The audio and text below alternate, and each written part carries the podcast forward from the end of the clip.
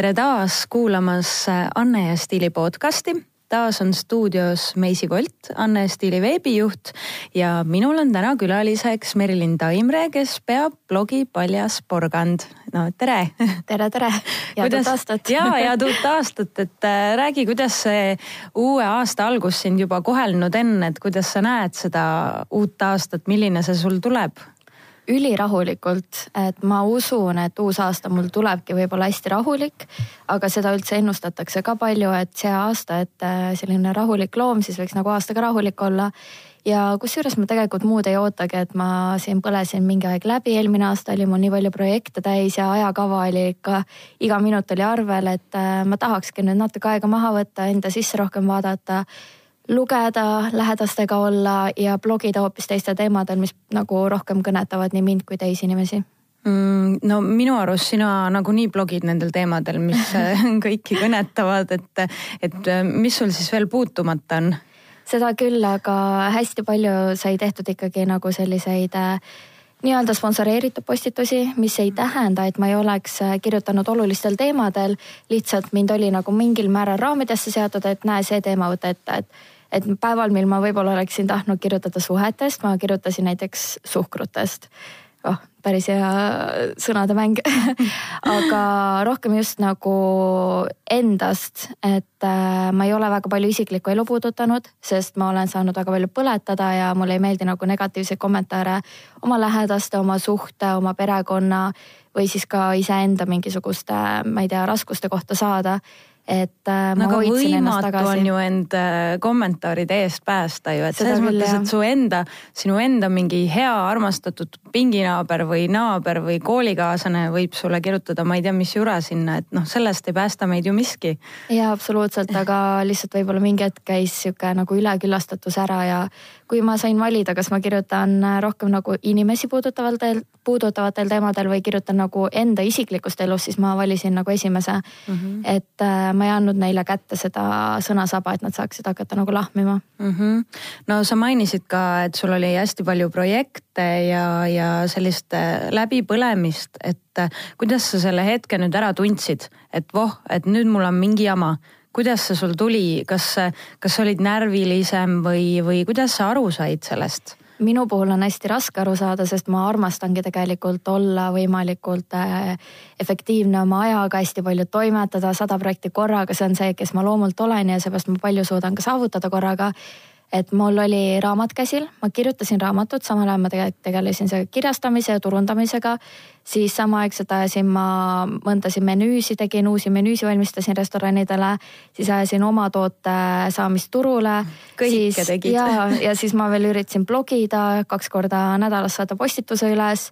väga palju oli sotsiaalmeediaturundust, väga palju oli photoshoot'e kõike, kõike ja sealjuures sain ma veel tädiks ja ma tahtsin võimalikult palju mm -hmm. aega nagu sellele pisikesele pühendada. et ma tundsin, et ma lihtsalt ei jõua kõike, et äh, suhtele mhm. jäi ka vähem aega ja unetunnid jäid lühemaks. et ma tegelikult ei saanudki aru kuni päevani, kus ma tundsin, ma ei taha blogida, nagu see muutus vastumeelseks. üldse mul meilid hakkasid kuhjuma, ma ei tahtnud kellelegi vastata. Äh, mul kadus ära igasugune huvi trenni teha et äh, trenni motivatsioon oli esimene asi, mis ära kadus, sest keha oli niigi kurnatud, stressis ja arvatavasti nii-öelda ise reguleeris ennast, et äh, trenni motivatsioon võeti mult ära mm. -hmm. ma ei mhm. käinud pool kuud trennis, sest see muutus nagu reaalselt, ma astusin trenni uksest sisse. nii palju, kui mu, ma nagu ise nii-öelda distsipliini pärast tahtsin treenida, siis ma tundsin, et see ei lähe, ma ei suuda, see on nagu täielikult vastumeelne. et nagu need asjad, mida sa oled nautinud siis. armastanud alati teha, need kadusid minu jaoks nagu ära ja jäigi, ma ei teinud enam ise süüa, ma käisin ainult väljas söömas, sest ma ei viitsinud süüa teha, mida ma muidu armastan et äh, mul kaduski kõik nagu kirg kadus elust ära ja ma õhtuti nutsin kodus mm. -hmm. et äh, väga palju oli mu kaaslane abiks, kes mind siis kaisutas sel hetkel ja lihtsalt ütles, et noh, lihtsalt nuta ja lase kõik välja. ja mul oligi, mida ma üldse tahan, nagu ma ei teadnud enam, mida ma üldse elult tahan või sihuke tunne, nagu mu elu oleks kokku varisenud mm, -hmm. sest äh, kõik, mida ma muidu tegin suurima kirega, oli kadunud ja siis ma mõtlesingi, et kas ma panen blogi kinni, mul tekkisid väga nagu kardinaalsed mõtted pähe.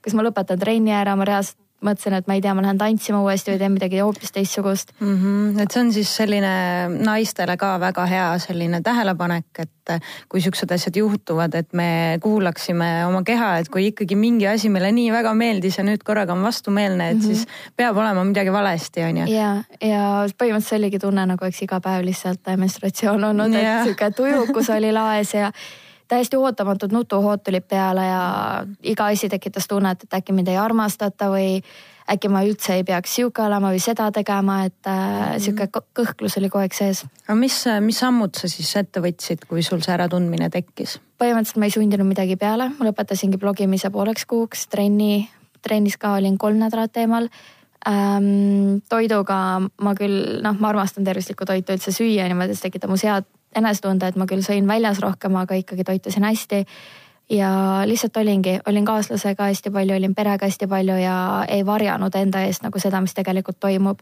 ei teinud sotsiaalmeedias head nägu, et näed, minuga on kõik hästi, vaid ma ütlesingi, nii mina olen läbi põlenud ja sorry, aga minult siit mingit motivatsiooni või inspiratsiooni treenimiseks praegu ei leia.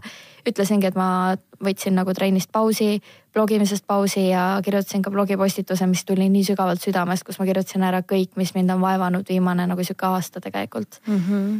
ja lubasin endal võtta pausi, et ma ei tunne ennast halvasti, et ma pole tööd teinud paar nädalat, et ma tunnen ennast väga selliselt rahulikuna, taas nagu leidnud iseenda.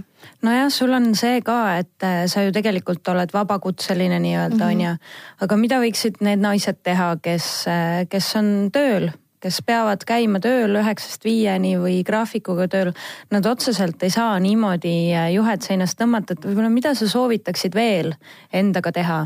ma usun, et äh, need, kes käivadki nagu üheksast viieni ja võtavad oma tunnise lõunapausi, ma usun, neid see läbipõlemine nii väga ei saada, vaid pigem ongi need, kes ei tõmba piiri, kus lõpeb töö ja kus algab töö.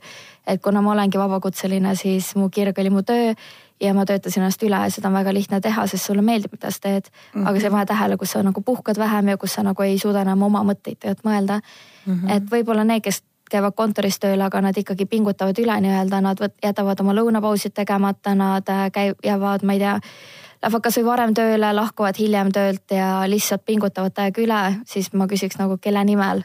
et kui nad ei tee seda veel enda nimel, kui nad äh, teevad selle mingi ettevõtte nimel, kes mis nagu tegelikult ei muuda nende heaolu paremaks, siis äh, ma soovitan lihtsalt äh, teha strictly nagu sihuke tunnine lõunapaus, minna üheksaks tööle, lahkuda kell viis töölt, meilid kinni kõik mm. -hmm. et ma olen seda näinud ka oma ema pealt näiteks, kes, äh, kui olla näiteks projektijuht, siis mida rohkem projekte, seda parem palk ja selle nimel nagu töötatakse lihtsalt täiega üle. töö tuleb mhm. koju kaasa, töömõtted saadavad sind õhtul söögilauas, sa räägid tööst sa tuled hiljem töölt ära, sest sul on nii palju, jah, täpselt, sest sul on nii palju tööd, aga tegelikult nagu mille nimel. Mm, -hmm. et kõige olulisem on ikkagi heaolu, rahu ja aeg olla lähest, lähedastega. jah, et vahel võib-olla tasukski tõesti vaadata siis selle poole, et eladki äh, natukene mõnda aega veitsa lihtsamalt, on ju. -hmm.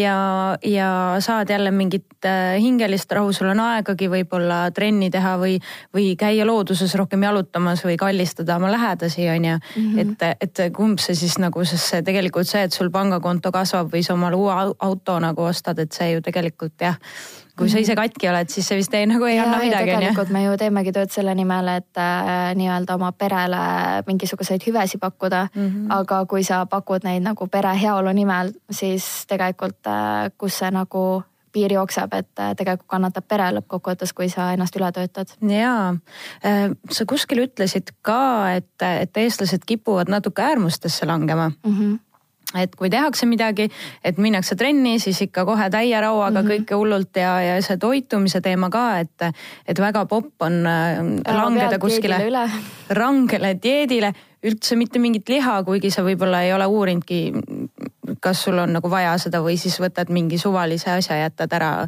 et mm -hmm. null suhkurt või mm, -hmm. et eestlased kipuvad äh,, kipuvad natuke äärmustesse langema, et, et vastab see siis tõesti tõele ja ma olen seda ise nii palju näinud, et kui keegi võtab pähe nii, ma võtan nüüd, ma ei tea, viis kilo alla, siis see peab toimuma nagu kuuga. Mm.. et kuuga viis kilo alla ja ei mingeid nagu väljas käimisi, mitte midagi, mingit alkoholi, mitte midagi. ja mis lõppkokkuvõttes on, see on samamoodi põhimõtteliselt läbipõlemine, et äh, sa lihtsalt paned endale sellised piirangud peale ja tekitad stressi, et kui ma nüüd ei saavuta seda, ma olen läbi kukkunud ja keha tegelikult ju tahab ikkagi seda rütmi säilitada võimalikult efektiivselt, milles sa oled alati olnud, tal on mugav ja ta oskab mhm. küsida sedasama ja isegi kui kaks nädalat läheb aega umbes sellega, et nagu harjuda uue rütmiga, siis ikkagi mingi aeg tuleb see setback, kus keha on nagu, et oota, mis nüüd toimub ikkagi, et ma tahan ikkagi seda asja saada ja nii tekivad isud. nii tekib nagu äh, motivatsiooni kadu minna trenni või mis iganes. et äh, ma soovitangi lihtsalt tasapisi alustada kõigega, et kuskil ei ole tegelikult kiiret, mida aeglasemalt see progress ka tuleb, seda püsivam see on ja ei pea olema nii, et seepärast mina ei kunagi ei pane endale silte ka külge, et aa, ma olen nüüd vegan või ma olen nüüd, ma ei tea, paleo või ma teen seda või ma kunagi alkoholi ei joo. isegi kui ma näiteks alkoholi väga harva tarbin, siis ma jätsin endale vabaduse võtta nüüd ka aastavahetusel veini või šampust, et äh, kui ma nüüd ütleks kõva häälega, et mina ei joo alkoholi, siis ma tean, et ma reedaks iseennast, kui ma nüüd tarbin ühe klaasi alkoholi või samamoodi ka selle veganlusega, et äh, ma ikka söön mingeid valgupatoone näiteks või ma armastan tegelikult kala, ma ei ole vegan. aga inimestele meeldib nagu sildistada iseennast ja siis jättagi endale selline tugev eksimusruum kus äh, nii-öelda tümitatakse ennast maatasa. no miks me tahame seda endaga teha, et mis, mis haigus, mis kollektiivne haigus meil selline on, et kuskohast see tuleb? mõneti ka võib-olla see, et otsitakse heakskiitu et kui ma nüüd ütlen, et äh, ütlen suure häälega, et ma olen vegan, siis äkki kõik vaatavad mu poole, et oh, ta on vegan või et. või ma ütlen, ma ei tarbi enam kunagi alkoholi, siis näe, ta on tegija. nagu tegija, tubli. või kui ma ütlen, et äh, mina nüüd treenin iga päev kaks tundi, siis kõik on nagu, et vau, kuidas ta suudab aga kui me ei ütle neid asju, siis keegi ei oota meilt midagi ja võib-olla ei saada tunnustust, ma ei tea, mille taha see täpsemalt jääb, et igalühel on kindlasti oma motiiv selleks. Või siis äkki enda nii-öelda joone peal hoidmiseks tehakse ka seda, et kui ma nüüd ütlen seda kõva häälega, et ma olen seda või teist või seda ma kunagi ei tee, siis tuntakse, et nii, ma nüüd tõesti ei tohigi seda teha. samas mm tegelikult tekitakse endale nagu liigset stressi ja nii-öelda sellist ähm, endaga pahuks siis olemist tegelikult mm. -hmm. see on ka, miks äh, osad muusikud ütlevad, et ei, et ma ei kuuluta välja, millal mu album välja tuleb mm. -hmm. et, et mul ei ole mõtet seda teha, et ma teen seda rahulikult, on ju, et see on natuke yeah. ka sihuke tuttav, tuttav jutt selle koha pealt no sinu elu on ka mm, sotsiaalmeedias tuhandetele ja tuhandetele inimestele lugeda ja vaadata, on ju, et, et kui palju ikkagi toimub üldiselt sotsiaalmeedias sellist nagu pettust nii-öelda. et kui palju on ikkagi see, et need, kes on tuntud, noh, räägime üldiselt on ju, et need, kes on sellised tuntumad äh, blogijad või influencer'id, mõjutajad, staarid, kui palju nad ikkagi inimestele seal valetavad nii-öelda siis? Ma arvan, et mitte ainult nemad, vaid üleüldse kõik inimesed, et sotsiaalmeedia on nii-öelda selline koht, kus sa lähed jällegi tunnustust otsima, vaadake, kui ilus ja tore minu elu on. et äh, varem oli seda arvatavasti kõigi puhul rohkem näha, aga ma arvan, et just mõjutajad ja blogijad ongi läinud võimalikult läbipaistvaks ja et inimesed suhestuksid nendega ja tunneksid ära iseennast nagu nende probleemides, muredes samamoodi kui ka rõõmudes -hmm. siis on äh, hakatud jagama ka neid kurbi hetki või mitte nii häid hetki. keegi ju ei pane endal pilti üles lapsest ja ütleb, et ma armastan teda, aga mõni päev ma ikka vihkan teda ka, et ma soovin, et ma ei oleks last saanud. noh. ma arvan, olnud mingisuguseid mõtteid, et ah, oleks võinud veel oodata või nii raske on see emadus ikka. Et äh, keegi ei kirjuta seda ju. Ja ma arvan, et äh, seal oleks võib-olla päris tugev selline pahameel ka kommentaariumis et äh, mina nüüd olen ka hakanud ikka aina rohkem, tead, ma olen alati olnud läbipaistev, aga varem ma muidugi ei rääkinud, ma ei tea, et eile ma kutiga tülitsesin ja tahtsin teda, ma ei tea, taldrikuga visata. et sihukestest asjadest ja ei kirjuta, aga ma ei kirjuta ka, et mul on elu, ma ei tea, alati sada protsenti korras või näe, kui ilus ma olen või mis iganes, et ma olen jaganud pilte oma aknast, ma olen jaganud äh, oma nii-öelda fitness teekonda või kui ma olen kaalust juurde võtnud või kui mul on olnud mingisugune naha, ma ei tea, mingisugune haigus või mis iganes, ma ei mhm. ole kunagi nagu peitnud neid asju. sa oled naine nagu kõik teised on ju. just mm, -hmm. et samamoodi ka kui mul on, äh, ma ei tea, ma ei ole saanud nädal aega magada, siis ma olen seda jaganud ja igasuguseid erinevaid asju, sest äkki läbi minu kogemuse leiavad ka teised sellele lahenduse, et mul ei ole kahju nagu jagada oma mhm. kogemusi. kas see on siis nii-öelda ka selline uus sotsiaalmeedia trend, võib öelda, et kui sellest rääkida, et kuhu see sotsiaalmeedia maastik üldse liigub praegu? ja ma arvan, et kooskõlas üldse meie eluga, et mitte ainult sotsiaalmeedia, vaid üleüldse inimesed ei püüa enam nii palju teistele meeldida, vaid vaadata rohkem iseenda sisse ja olla ausad ja tunnistada nii endale kui teistele tõtt, et äh, üleüldse ma olen viimasel ajal täheldanud, et enam ei ole seda, et lähed kellelegi, kuidas läheb. oi, kuule, mul on siin kolm last ja kõik on imeilusad, kõik on imetublid ja mees on ka mul miljonär ja kõik on super hästi mm.. nii nagu võib-olla oli see kahe tuhandete alguses, kus kõik pidi nii perfektne olema, sa pidid olema kõige mm-hmm. parem kõigist et nüüd on olnud ka seda, kus ma olen rääkinud täiesti minu jaoks võõra inimesega, olen küsinud, et kuidas restoranil läheb siis ka, et te avasite uue restorani ja öeldakse mulle ausalt, kurat, see on nii raske, no üldse ei tule välja, et ikka raske on inimesi saada ja ikka mingi lagi on siin lekkinud ja kokad vahepeal lasevad tööd üle ja no jumala ausalt. Ja ma olin täiesti šokeeritud, sest ma arvan, et kümme aastat tagasi poleks keegi midagi sihukest öelnud. ja, ja tundub ka, et äh, praegu on nagu sihuke vastu, kuidagi vastast, kuidas ma ütlen, äh, selline tendents, et kui on mingisugused inimesed, kes kipuvad üle töötama, üle panema oma elus, siis on mingisugused inimesed, kes ei viitsi nagu ei ilmu kohale kohtumistele, ei tee, teevad, teevad lohakalt oma asja, tundub, et natuke nagu mingi hetk vahepeal on nagu kuidagi paigast ära ka need asjad, et räägitakse, on raske rasket töötajat leida. ja no, no see oleneb ja vanusest, et äh, praegu need lumehelbed on vist jah, natukene raskem nii-öelda tööjõud, aga mm, -hmm. aga ma arvan, et äkki see peabki nii olema, et nähakse, et saab ka vabalt võtta.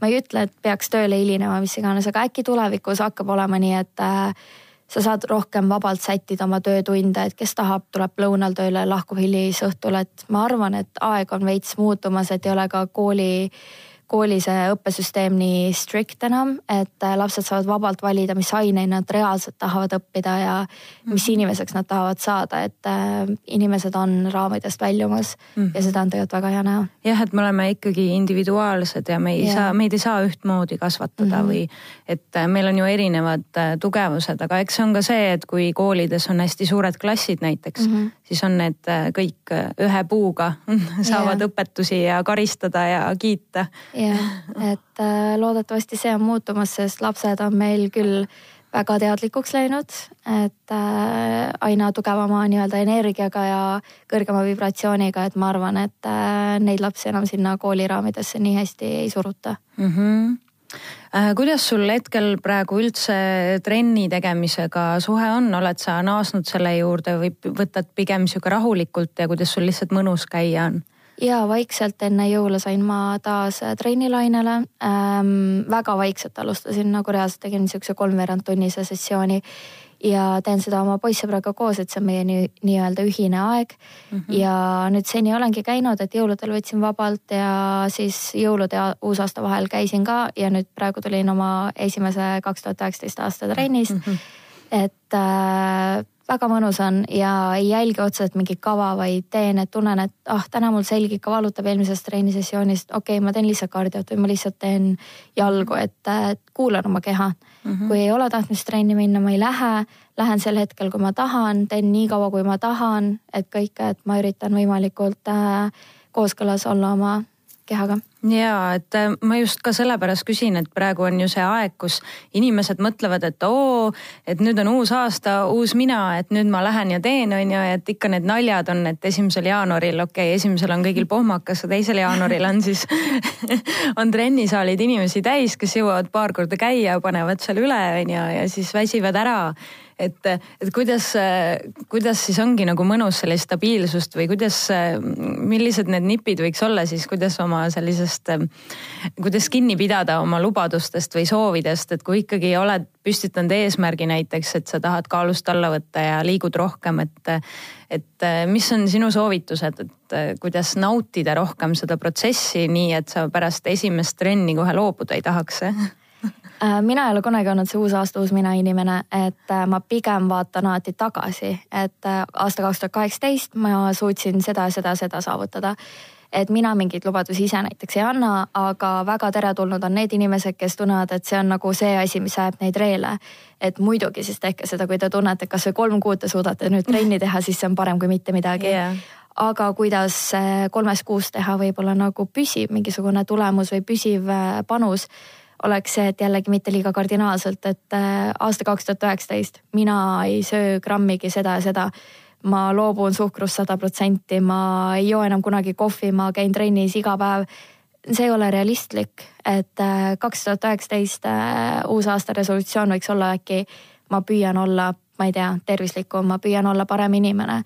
et mingeid pisikesi samme teha igapäevaselt ja näiteks kui kolme kuu pärast sa ei tunne enam, et sa tahaksid näiteks äh, trennis just seda teha, mida sa olid äh, näiteks algselt plaaninud, sa hoopis hakkad käima rohkem õues jalutamas, sest kevad tuleb, suvi tuleb, siis sa ei tunne, et sa oled nüüd läbi kukkunud, sest sa lubasid, et sa teed jõusaalitrenni iga päev mm. -hmm. et sa andsid lubaduse olla tervislikum ja seda sa ka hoiad.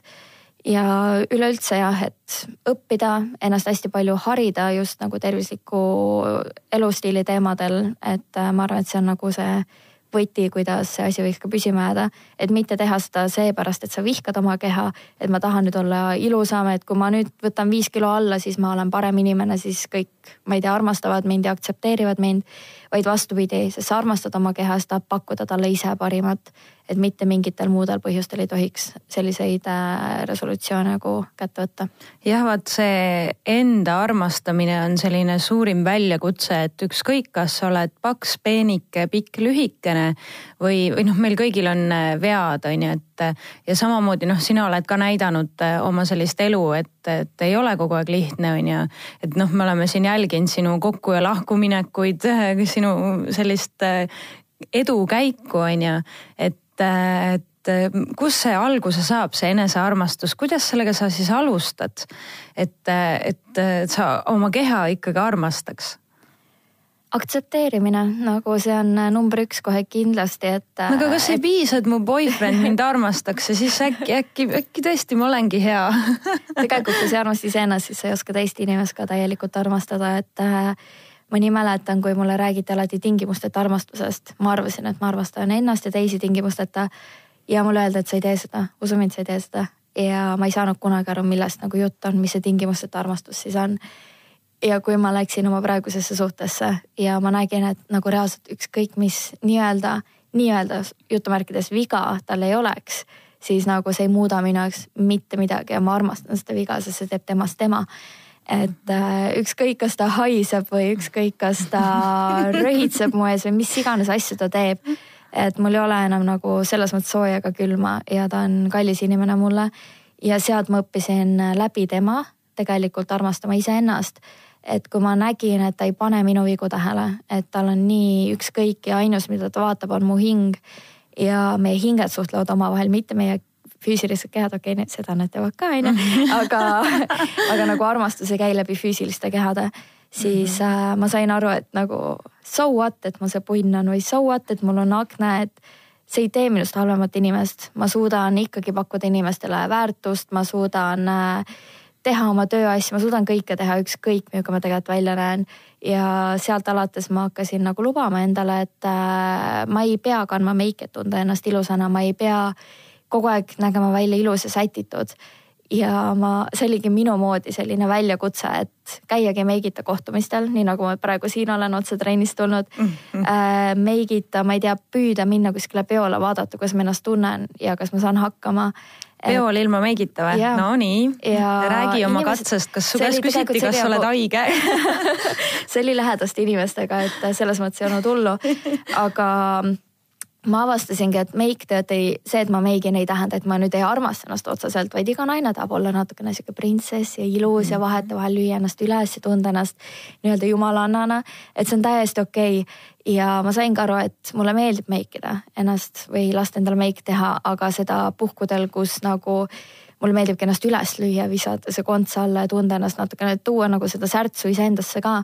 aga lõpuks ma sain aru, et igapäevaselt ma ei vaja seda ja ma olen õppinud hindama ennast sellisena, nagu ma olen. kui mul tuleb kuskile punn, kui ma varasemalt oleks seda reaalselt peitnud, siis täna ma näiteks saatsin oma kutile, saatsin punnist pildi ja ütlesin, näe, ma leidsin endale uue sõbra ja ma ei oleks kunagi uskunud, et ma julgen tunnistada endale, et ma ei ole nagu perfektne, et ma ei pea olema perfektne et varem oli ikka see, et kui mul kuskil oli punn, siis ma kas ma ei tea, täiega varjasin seda näiteks, kui oli kas selja peal, siis ma teadsin, ma panen kohe kampsuni selga mm. -hmm.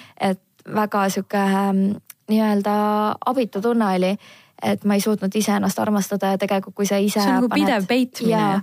kui sa ise paned neid vigu tähele, siis panevad teised ka, kui sa ise ei tee välja sellest, siis ei tee teised ka. et need on minu suurimad õppetunnid olnud, millest ma kirjutan ka oma blogipostituses, et äh, seal ma kirjutan väga tugevalt nendest õppetundidest, et kuidas nagu reaalselt ma saingi läbi selle aknast lahti mm, -hmm. et ma tunnistasin endale, et mul on akna, see ei muuda mind, ma ei pea ennast seepärast vähem armastama, ei pea seepärast ennast vihkama, keegi teine ei vihka mind seepärast ja ta tegi minekut. ja meie hädad tulevad meie mõtlemisest, eks ole. õppetunnid. et me mõtleme kuidagi halvasti endast ja siis me jääme ka haigeks või mm, -hmm. või mhm. oleme kibestunud või, või äh, noh, ükskõik mis on ju, pahased millegi peale mm, -hmm. hoiame endast mingisugust sellist asja kinni on ju et siis see lööb ka meie kehas välja, et yeah. see on nagu huvitav, et me ei saa kõike ainult arstimitega ravida, on ju mhm et vahel, vahel peabki nagu kaugemale mõtlema. et nagu öeldakse, keha on hingepeegeldus. ja, ja no väiksed sellised võib-olla lõpusõnad ka, et kui meil on ikkagi aasta selline esimene podcast, et, et mida, mida sina sooviksid noh, ma arvan, et meie kuulajad ka ikkagi enamus on naised, et mida, mida sina soovitaksid veel Eesti naisel teha või, või mida sa tahaksid rohkem näha Eesti naiste juures? Õnneks on kadedus hakanud vaikselt äh, lahkuma meie Uhum. inimeste mõtetest, et äh, varem oli kadedus väga number üks asi, mida igal pool tegelikult oli näha ja sai lugeda ja tunda. et sellegipoolest, kui kellelgi tekib kellegi suhtes kadedus, siis vaadake iseendasse, ärge projitseeri, ärge projekteerige seda kellelegi teisele, seepärast et see toimub teie sees. see inimene ei ole midagi valesti teinud, tal on midagi, mida teil nii-öelda ei ole ja te vihkate teda just seepärast et kui te näete, et keegi on näiteks ilus ja tervislik, siis ja te tahate teda nii-öelda heitida, siis mõelge, miks see nii on. äkki te ei pööra endale piisavalt tähelepanu, äkki te ei armasta ennast piisavalt, et olla tervislik või samamoodi ka trenniga või suhetega. et äh, ma soovin, et lõpeks see kibestumus üksteise vahel ja suhtes nagu ära. et inimesed vaataksid ainult iseendasse, kui tekib paha mõte, siis äh, vaadake, kus see tekib ja mida teie nii-öelda aju tahab teile öelda sellega et just see sisetunde küsimus, et äh, usaldage oma sisetunnet ja vaadake endasse. Väga õige, me oleme sinuga totaalselt nõus. Aga aitäh sulle tulemast ja ilusat aastat sulle. ja aitäh